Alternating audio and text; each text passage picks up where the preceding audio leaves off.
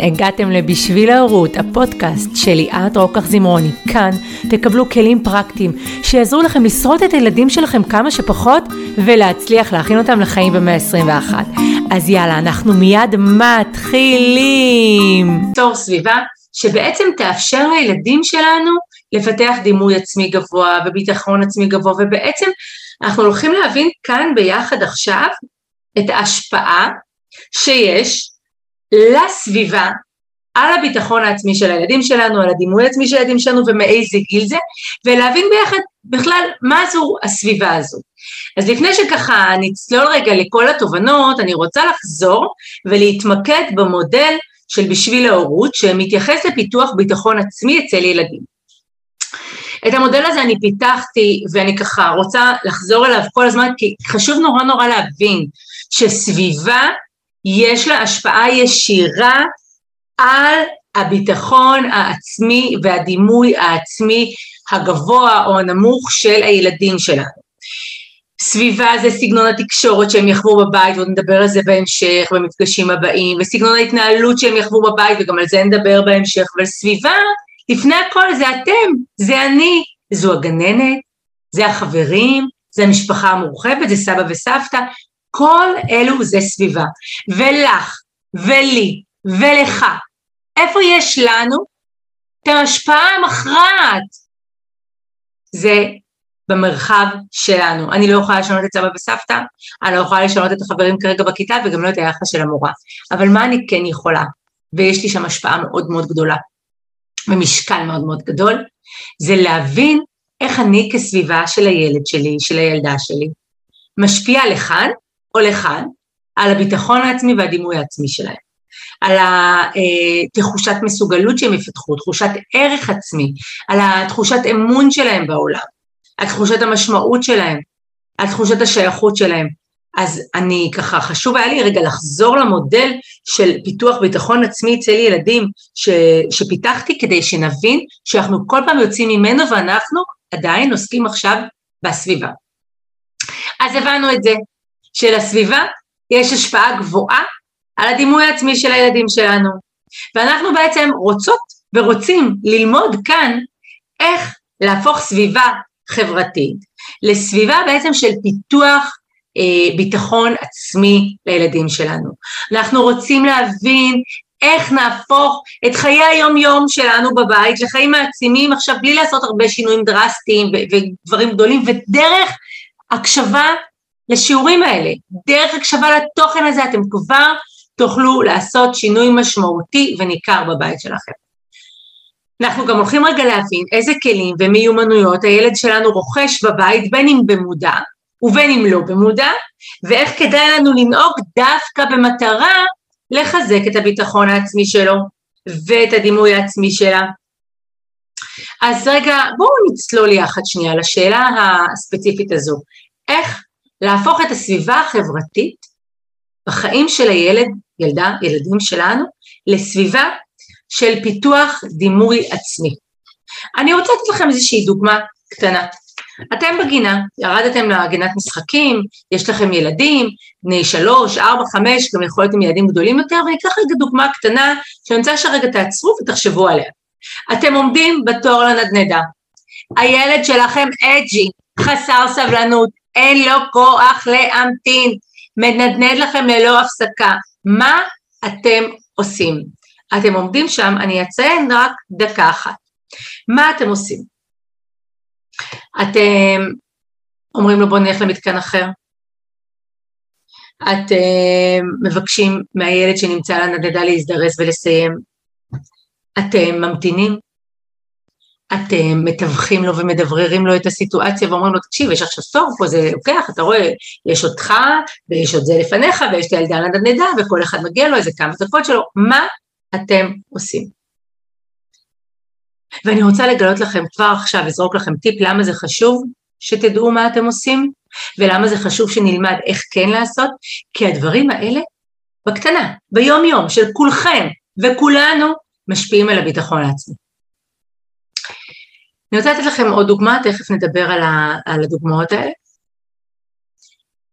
הילדה שלכם בבית ספר, חוזרת אחרי יום, היא בת עשר, חוזרת עצבנית, היא נכנסת רוטנת הביתה, אתם במקרה בבית או שעובדים מהבית ואתם רואים את הפרצוף החמוד ואז היא מספרת לכם שהיא רבה עם אה, אה, יאלי, חברה שלה הכי טובה, ויאלי הזאת היא ממש, סליחו לי, דפוקה, והיא לא בסדר, והיא לא חברה, והיא לא חברה שלה יותר, והיא כועסת עליה תהילים. במקרה את ואימא של יאלי חברות נורא טובות. אז מה את עושה כאימא, או מה אתה עושה כאבא? אתם שולחים איזה וואטסאפ לאימא של יאלי וככה סוגרים את הפינה בין הילדים, מדברים עם אמא של יאלי, שתדבר עם יאלי, אתם מדברות עם, אתם מדברים עם הילדה שלכם, אתם מתעלמים, אתם נותנים לה ככה, אתם מנחים אותה, אתם אומרים לה, אוקיי, אז אל תהיי חברה שלה, או מגבים אותה, באמת, זו התנהגות מאוד מאוד לא יפה, את צודקת, אל תהיי חברה שלה, או מראים לה את הצד שלה. מה אתם עושים בסיטואציות האלה? תרשמו לעצמכם, תעצרו רגע דקה, קחו כמה שניות ותחשבו,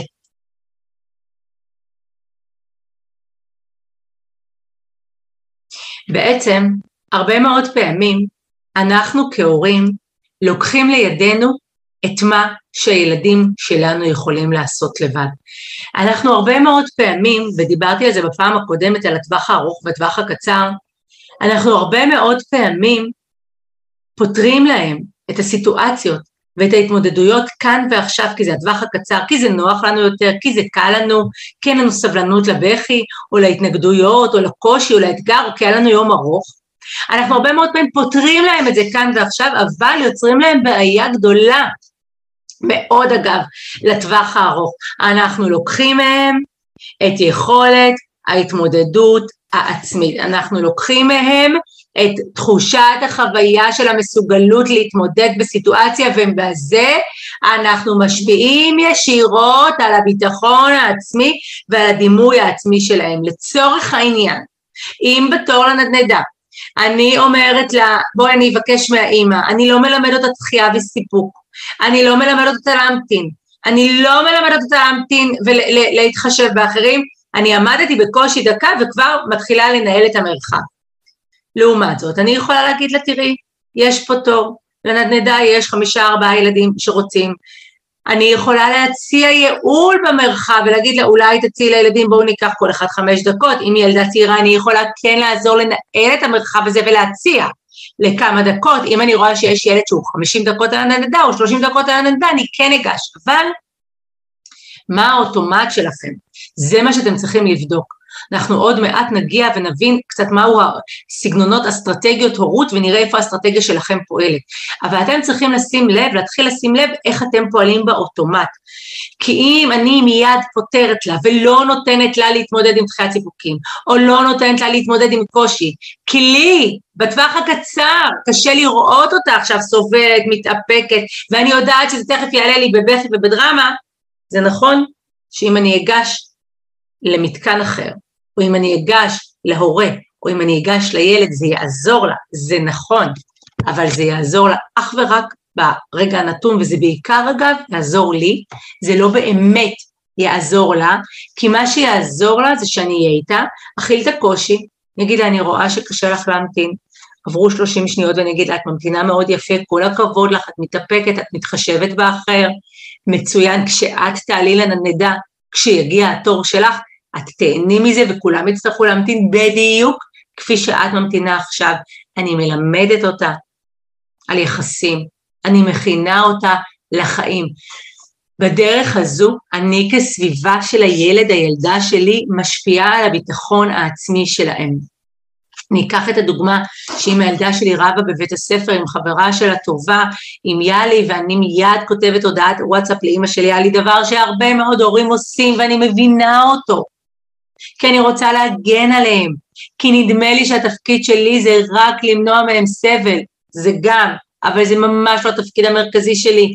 כהורה, התפקיד המרכזי שלי לאהוב אותם, לטעת בהם ביטחון, לתת להם את התחושה של מסוגלות עצמית, ולוודא שיש להם כלים ומיומנויות לצאת להתמודד בחיים, כי החיים מאתגרים. יש לי יכולת לראות באתגרים מנוף, צמיחה, גדילה, מקפצה, ויש לי יכולת לראות באתגרים משהו שמוריד אותך וזה מבאס ולראות את זה שלילי. פה יש לי בהחלט בחירה, גם כמבוגר וגם כילד, ואני יכולה ללמד את הילדים את זה, אבל בעיקרון, בחיים יש אתגרים, לא כולם יאהבו אותם, לא בהכל הם יצליחו, לא כולם רוצים להיות חברים שלהם, לא תמיד הם יקבלו חיוך והנהון של הסכמה, הם לא תמיד כל מה שהם ייגעו בו יהיה זהב, הם יצטרכו לפעמים להשקיע ולהתאמץ ולהיות נחושים ולעבוד קשה ולחוות כישלונות ואי הצלחות ולקום ולהרים את עצמם לעוד פעם ולקבל החלטות והם יצטרכו לדעת לבחור נכון וכל זה אנחנו כהורים שלהם, כסביבה שלהם, יכולים כבר מ-day one לתת להם כלים ולשפר להם את תחושת הביטחון העצמי ולגדל אותם בתחושה של מסוגלות. אז אם אני אפעל ואפתור להם ואתן להם את המענה במקום להנחות, להדריך, לשאול, אני אתן פתרון לטווח הקצר, אבל אני לא אתן פתרון לטווח הארוך ובעיקר לא אתן להם כלים. אז בואו ניקח רגע את הסיטואציות של הנדנדה, של החברה, של סיטואציה בבית הספר, אה, שהמורה העירה לו והוא נעלב נורא והוא חזר הביתה כועס על המורה ומה אני עושה עכשיו? מתקשרת למורה, מצדיקה אותו, מצדיקה את המורה, מתעלמת, מה אני עושה? הרבה מאוד פעמים אנחנו מתעלמים, הרבה פעמים אנחנו מצדיקים את הצד השני או את הצד שלנו, אנחנו הרבה פעמים מתערבים, והרבה מאוד פעמים אנחנו פותרים לו ופותרים לה ופותרים את הסיטואציה. במצב הזה אני רוצה שתבינו שאנחנו עם השפעה ישירה על הביטחון העצמי של הילדים שלנו, איזה חוויה הילד שלנו חווה? תחשבו איזה מסר הוא מקבל כשאני פותרת בשבילו או רק מצדיקה אותו. מה הוא לומד? מה היא לומדת על החיים? היא לומדת שהיא לא יודעת לקחת אחריות כי אני תמיד מצדיקה אותה גם במקומות שוואלה, היא לא צודקת בהם. ללמד אותם להתעלם, זה לא לתת להם כלים לתקשר ולנהל מערכות יחסים בחיים שלהם. ולפתור להם זה בעצם לא לתת להם להתמודד ולא ללמד אותם את הכלי הכי חשוב שאני יכולה ללמד אותם כהורה, להתמודד עם החיים. מה שאנחנו כן צריכים לעשות בסיטואציות האלה ובכלל, זה ללמד אותם איך להתנהל בסביבה החברתית שלהם. גם אבל בעיקר, בעיקר דווקא בסביבה שהם לא בחרו בה, אוקיי? או בסביבה שהם לא יכולים לשנות אותה, מה לעשות? אני לא יכולה לשנות כרגע, לא יכולה להעלים את הילדה מהנדנדה. מה לעשות, אני לא יכולה להכריח את יאלי למשוך אותה באוזן, תסלחו לי ולהשלים עם החברה שלי. מה לעשות, אני לא יכולה לקחת בחזרה את הדברים שהמורה אמרה לילד שלי. ועוד המון סיטואציות שאתם כהורים, בוודאי יש לכם רבות. אנחנו חייבים ללמד אותם להתמודד בסביבה שדווקא הם לא בחרו בה. ואיך אנחנו עושים את זה? קודם כל אנחנו מלמדים אותם להפעיל שיקול דעת, ללמד אותם ל- לעשות למשל טבלה של יתרונות וחסרונות, ללמד אותם דווקא רגע לחשוב, אוקיי, לשים אותם בנעלי האחר ולהגיד איך לדעתך הילדה הרגישה באותו רגע, או איך לדעתך, אם עכשיו הילדה עלתה לנדנדה והיא עוד לא דקה נמצאת שם, איך, אני, איך היא תרגיש אם יורידו אותה? איך אתה היית מרגיש אם היית עולה לנדנדה וכוח תוך דקה מורידים אותך, איך היית מרגיש? ותחשבו על זה כשהולכים למתקנים בסופרלנד, בלונה פארק, בקרוסלת האוהל, ביורו דיסני, whatever, יש זמנים, זה, זה מוגדר בזמן, נכון? אז איך אתה מרגיש שמורידים אותך באמצע? זה קצת מבאס, נכון? שזה נגמר, אבל אנחנו מקבלים את זה. אנחנו גם צריכים להיות קצת קונפורמיסטים, קצת מותאמים לסביבה, לדעת לקבל חוקים, כי אם לא נדע לקבל חוקים, הילדים שלנו לא ידעו להתמודד בחיים. ולכן, הפעלת שיקול הדעת זה ללמד אותם גם לראות ולהפעיל שיקול דעת. אוקיי, איפה טעיתי? איפה לא טעיתי, איפה אני יכולה לקחת אחריות. אחרי שהם הפעילו שיקול דעת ועזרתי להם, כן אני בטח אכוון אותם, בטח כשהם בגיל צעיר, ואשאל אותם שאלות מבררות, בספר אומנות ההורות, אפשר דרך אגב לרכוש אותו גם באתר של בשביל ההורות, אה, יש אותו גם בקובץ שמע, גם בקובץ PDF וגם לקנות אותו בחנויות ספרים או לקנות אותו דרך האתר כקופי, כהארד קופי, כספר ממש. בספר הזה אני מלמדת פרק שלם על שאלות מבררות, על ההורה המברר, איך אני יכולה ללמד את הילד שלי שיקול דעת? אני אשאל אותו, מה חשבת שניתן לעשות אחרת? איך פעלת? מה חשבת שהילד השני הרגיש? איך אתה הרגשת? מה אתה חושב שאפשר ללמוד מזה? מה אנחנו יכולים לעשות בפעם הבאה? והשלב הבא אחרי הפעלת שיקול הדעת זה לפעול, לפעול בהתאם לערכים. אוקיי, אם יש לי בבית ערכים של כבוד לאחר, אם יש לנו בבית ערכים של להתחשב, יש לנו בבית ערכים של גם לדעת לעמוד על שלי, לפעול בהתאם לערכים ולקיים אותם, כלומר גם בבית אני אתנהל איתם ואתנהל מולם ואתנהל בתקשורת יחד משפחתית באותם ערכים. כי בעצם, אני בעצם מלמדת אותם ליצור בכוחות עצמם מערכות יחסים, ולא שאני אצור את המערכות יחסים בשבילם. אני מלמדת אותם על ידי זה דוגמה אישית, אני מלמדת אותם הדרכה גלויה, אני מנחה אותם, אני מלמדת אותם, אני מסבירה להם, אני נותנת להם מסר גלוי ומסר סמוי. אנחנו הולכים לסופר, דוגמה, בואו ניקח דוגמה, אנחנו הולכים לסופר, אוקיי? ואני לוקחת כל מיני נשנושים קלים שיש כזה לפעמים אה, שקדים, קצת אגוזים, חמוצים, מנשנשת לי לאורך הטיול שלי בסופר עם הילד שלי. זה דבר שמותר לעשות אותו? לא. זה דבר שצריך לשלם עליו כסף? כן. זה דבר שצריך להכניס אותו לשקית או לקופסה, לארוז, לשקול ולשלם בקופה? כן. האם אני עושה את זה? לא, לצורך הדוגמה, לא. וזה שאני מתנהגת ככה, אני מדריכה אותם בלי לשים לב, בדוגמה אישית, שזה מותר ככה לגנוב קצת. עכשיו אל תתעלבו ואל תגידו לי שאני מגדירה את זה כגניבה, כי זה בקטנה, אבל בואו, בהגדרה זה משהו שהוא לא שייך לי, שלקחתי אותו, שהשתמשתי בו, שהוא עולה כסף, הוא במרחב שגובים בו כסף בעבור הדבר הזה, ואני הייתי אמורה לשלם על זה כסף. שזו דוגמה קטנה, לא במטרה לעשות לאף אחד נקיפות מצפון, כדי לשגר לכם את התובנה. לגרום לכם להבין איך בקטנה, ביום יום שלנו יש לנו כזו השפעה עצומה לילדים שלנו וזו המתנה בקורס הזה, זו המתנה בשיעור הזה, זו המתנה בתובנות כאן, להבין כמה השפעה יש לכם בכל רגע נתון, איזה כיף, איזה מזל, אנחנו יכולים לשנות כל הזמן. אז הלכתי ונשנשתי לי לאורך הדרך ולא שילמתי, והעברתי פה מסר סמוי, בלי לשים לב, של, של לקחת בלי לשלם, שזה מותר, הוא מחקה אותי, וכמה שנים, או כמה ימים, או תקופת מה אחר כך, אני מגלה שהוא הולך לפעמים מהמכולת, או לסופר השכונתי, ומרים בקטנה פה קלפים, שהמסטיק פה ארטיק, מרים בקטנה. זה לא חייב לקרות. זה לא תוצאה ישירה אם אני נשנשתי זיתים, הילד שלי יגנוב בסופר, לא.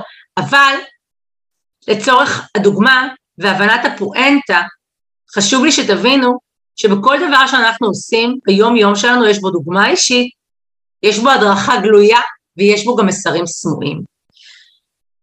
אם נבין את זה, נדע להסתכל פתאום על ההתנהלות שלנו וההתנהגות שלנו ביום יום בכביש, איך אנחנו מדברים, ב- איך אנחנו מגיבים לאנשים מבוגרים או לצעירים, איך אנחנו מגיבים לשכנים, איך אנחנו מגיבים כשמשהו מרגיז אותנו, כלפי הילדים שלנו, כלפי בני הזוג שלנו, בנות הזוג שלנו, חברים שלנו. אנחנו נדע להסתכל ונבין שכל הדברים האלה הם בונים את הביטחון והדימוי העצמי של הילדים, כי ככל שילד יקבל הכוונה מטיבה והתנסות, ויש שם מישהו שיכיל אותו ויעודד אותו ויעצים אותו וייתן לו כלים, וילמד אותו לתקשר את הרגשות שלו ולשתף ולקחת אחריות ולשאול שאלות מבררות, ככל שיהיה את זה לילד שלכם, ככה לו יותר קל יותר בחיים. בואו נראה רגע איך, איך המסע הזה של הסופר נראה דרך העיניים של הילד שלנו. נכנסנו לסופר, ישבנו על העגלה, איזה כיף, שפע, שפע, שפע, מלא מלא דברים. אני רוצה את זה, אמא לוקחת, אני רוצה את זה, אמא לוקחת, אני מבקש את זה, אמא לוקחת את זה, אני מבקש והיא לא מסכימה ואני בוכה וצורח לה על העגלה והיא משתכנעת ולוקחת. היא מנשנשת תוך כדי את הזיתים ויש גם שוקולדים ופקנים וזה נורא נחמד והיא אה, אה, פתחה איזה משהו קטן ושמה את העטיפה בפח. מה ראיתי? אני הילד, החמוד המקסים הזה שיושב על העגלה. ראיתי שכל מה שאני מבקש אמא לוקחת. ראיתי שכשהיא לא מסכימה לקחת מה שאני מבקש, אם אני בוכה, היא לוקחת. איזה מסר גלוי ומסר סמוי עבר פה. תחשבו, ראיתי שאימא מנשנשת אבל היא לא משלמת ועל חלק מהדברים היא כן משלמת, אז אולי הדברים הפתוחים המותר לקחת ומהדברים הסגורים אסור, אבל רגע, אימא שלי פתחה גם איזה שוקולד קטן כזה, מה זה אומר? וואו, כמה מסרים אנחנו מעבירים להם ביום-יום. הדוגמה הזו, הורים יקרים, היא פה כדי שאתם ואני ואנחנו כולנו נתחיל להתבונן רגע בהורות שלנו ונבחר לסגל דוגמה אישית מעצימה ומטיבה, לתת הדרכה ולתקשר ולשקף את הסיטואציה ולהעביר את המסרים שלנו בצורה של התנסות. הילדים שלנו ילמדו בכוחות עצמם את הכוחות שלהם על ידי זה שהם יתמודדו וניתן להם להתמודד גם כשקשה להמתין בתור לנדנדה וגם כשקשה להרים לי טלפון ליאלי ולהתנצל וגם שקשה לקבל את מה שהמורה אמרה לי אבל היא צודקת אני לא השקעתי זמן ללמוד לבחינה אז אין שום פלא שקיבלתי חמישים ההתמודדות תלמד אותם לחוות גם הצלחה וגם אי הצלחה או כישלון יש כאלה שאומרים שאין דבר כזה כישלון ואני מסכימה זה הכל בעיני המתבונן ואיך אני מפרשת אבל רגע אם אני אהיה שם לכוון, אני אלמד אותם את החוויית הצלחה ואת חוויית הכישלון. על ידי זה שאני נמצאת שם ואני מאפשרת להם למידה בכוחות עצמם, אני מלמדת אותם ללמידה לעצמית, כלומר לגלות, לחקור, להבין שלסיטואציות שלהם, להתנהגויות שלהם יש השלכות. אם אני אתקשר לאימא של יאלי ובטלפון אחד אסגור את הפינה בין הבת שלי ליאלי, יאלי אולי תתרצה ותשלים עם הבת שלי, אבל הבת שלי לא תבין. לא תהיה פה למידה עצמאית של ההשלכות על הדברים שהיא אומרת או עושה. אם אני אדבר עם המורה ואשכנע אותה לגבי הבחינה, ואספר לה סיפור שהלך שם מאוחר כי חזרנו מחו"ל, כי סבתא שלו באה, כי וואטאבר קרה, הילד שלי לא ילמד שיעור חשוב לחיים לקחת אחריות. תקשיבו, אני חושבת שאחת המחלות הגדולות של האנושות זה אי יכולת לקחת אחריות על החיים שלנו, על הבחירות שלנו ועל התוצאות, וזה קורה מפנקת, פנקת יתר, נכון שאנחנו לא נלמד את זה בקורס הזה, או בשיעורים כאן, או במפגשים הדיגיטליים האלה, או בשמע הזה, אבל זה מאוד חשוב להבין את זה. אני אחזור ואומר, אנחנו מפנקים אותם כי אנחנו רוצים להקל עליהם, רוצים למנוע מהם סבל. פינוק זה לא חיבוק ונשיקה, אוקיי? פינוק זה לעשות במקומו משהו שהוא יכול לעשות לבדו. פינוק נחמד מאוד וחשוב לעשות אותו once in a while, מדי פעם, אבל אם פינוק הוא דרך חיים, זו בעיה גדולה. אנחנו מעבירים מסר של סירוס, של uncapable, של חוסר מסוגלות, ואז אנחנו מגדלים ילדים עצלניים, ילדים שהם סחטנים, כלומר סוחטים כל הזמן רוצים, שהם מתעצלים לעשות דברים, והפינוק מאוד מאוד גדל. ובזה שאני אתן לה להבין את ההשלכות של מה שהיא עשתה ליאלי, והיא תחווה קצת חייה, והיא תחווה שיאלי כועסת עליה, והיא תחווה והיא תרגיש לא נעים, היא תלמד שיעור לחיים, שיש השלכות למעשים שלה, וזה שיעור חשוב. כשאתם לא משלמים חשמל או מים, חברת החשמל, או חברת המים שלכם בעיר, תיתן לכם שנה, שנתיים להיות בלי מים, הלוא גם שלושה חודשים לא ייתנו לכם. למה? כי יש דרך שצריך לכבד אותה, יש מה שצריך לעשות ולהתנהל לפי זה, ואם לא, יש השלכות, יש תוצאות. אותו הדבר ביחסים, במערכות יחסים, בהתנהלות. אבל אם נלמד את זה את הילדה שלנו, וניתן לה ללמוד גם בכוחות עצמה, היא תגלה את העולם והיא תלמד למידה עצמאית והיא תחווה גם כישלון וגם הצלחה, והיא תבין שיש השלכות למעשים שלה, ומתוך זה אני מבטיחה לכם היא תלמד את הכוחות שלה, אתם תהיו שם לעודד, אתם תהיו שם להקשיב, אתם תהיו שם להעצים, אבל לא תהיו שם לעשות במקומם. לא תהיו שם בכדי, בכדי למנוע מהם את ההבנה ואת ההשלכה של הדברים. ובדרך הזו אתם מלמדים אותם טוב מאוד לחיים, אתם מכינים אותם ויוצקים אצלם ביטחון עצמי ודימוי עצמי גבוה. דימוי עצמי הוא, הוא תוצאה ותולדה של דיאלוג, של שיקוף, של הבנה, של הסבר, של לקיחת אחריות, של להגיד איך אני הרגשתי כשאתה התנהגת בצורה הזו, של אתה תשתף איך אתה הרגשת כשאני התנהגתי בצורה הזו, של שיח, ככה נבנה הדימוי עצמי. תיזכרו מה זו הגדרה של דימוי עצמי.